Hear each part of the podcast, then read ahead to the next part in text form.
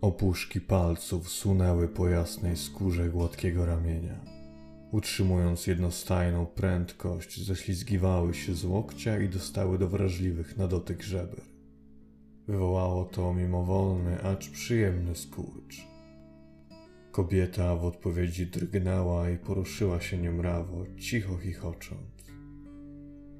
Męska dłoń przywarła do nagiego biodra, które grzało się skryte pod pierzyną. Wędrowała w dół, by sięgnąć i spocząć na pośladku, jędrnym i wciąż zaczerwienionym. Łowca, podpierając ręką głowę, dostrzegł, jak jego partnerka zerka na niego przez ramię. I spojrzenie, i zagryziona dolna warga nadawały młodemu licu odrobinę drapieżności. Nie miała nawet dwudziestu lat, a wyglądała jeszcze młodziej.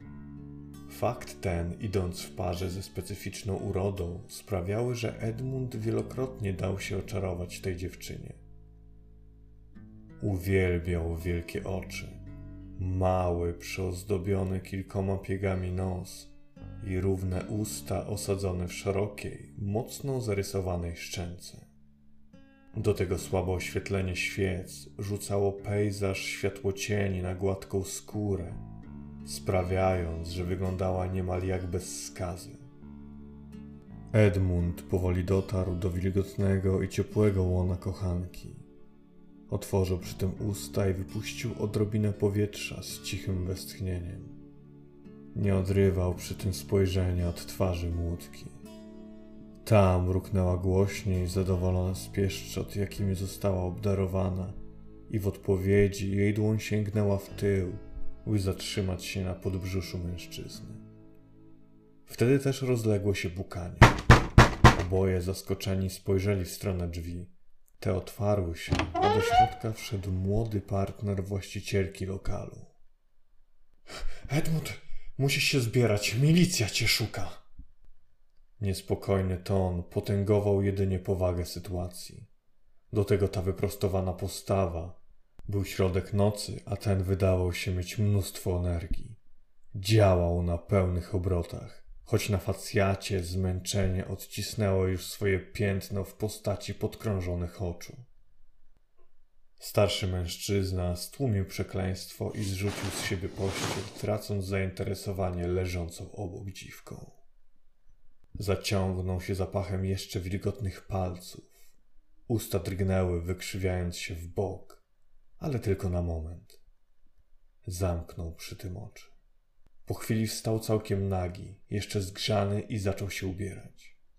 Kochanica w ten czas usiadła, przykrywając się tym, co miała.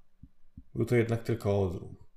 W następnej chwili sięgnęła po swoje rzeczy i niezdarnie przysłajając niewielkie piersi, ruszyła pośpiesznie do wyjścia. Ile kupicie mi czasu i czego oni chcą? Zapytał, zakładając spodnie. Zerkał co jakiś czas na futerał stojący pod ścianą. Młody przepuścił wychodzącą, nie poświęcając jej nawet chwili uwagi. Znał tę dziewczynę. Nieraz widział ją nago. W końcu tutaj pracowała. Może, może pięć minut, nie wiem o co chodzi. Stara robi im raban, ale nie chce odpuścić. Wyjrzał na korytarz, gdzie zastał jedynie chowającą się do innego pokoju dziewczynę i jej nagie tyły. Dopiero teraz zawiesił wzrok na kształtnych pośladkach, przymrużając jedno oko. Dobra, Ernest, dzięki. Poradzę sobie, możesz iść. Kiwnął głową w stronę dwudziestolatka z rzadkim zarostej koziej brudki, odprawiając go tym samym. Ten posłusznie wyszedł, zamykając za sobą drzwi. Łowca, zostając sam, założył buty. Wyciągnął z szuflady czystą kartkę i pióro, po czym zasiadł do pisania krótkiej wiadomości. Zostawił ją na stoliku i drapiąc się nerwowo po głowie, wyciągnął z kieszeni pudełko z biało-niebieskimi pigułkami. Zażył jedną z nich, po czym wyciągnął z worka pekloskop Postawił go na podłodze i uklęknął przed nim. Wziął kilka szybkich, głębokich wdechów, poklepał się po twarzy, odgarnął włosy w tył i włączył urządzenie. Znajome uczucie szybko zdominowało nad nim. Jasne światło promieniowało do wnętrza głowy, wpadając przez oczy. Przebijało się przez zaciśnięte powieki, gałki oczne i docierało do mózgu. Czuł to. Czuł doskonale, jak zmodyfikowane fotony prześlizgują się przez tkankę, jak wchodzą w reakcję z jego organizmem, jak pobudzają mózg do nadludzkich możliwości. Nie było to bolesne.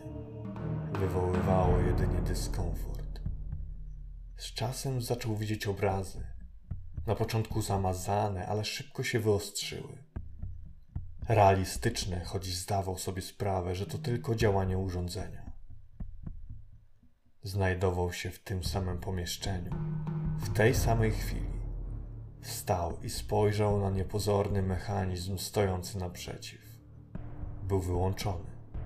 Nie tracąc więcej czasu, zabrał z fotela kaburę i ruszył do drzwi. Chociaż w rzeczywistości dalej klęczał przed pekloskopem, pozwalając, by mózg otrzymał olbrzymią dawkę promieniowania Sigma.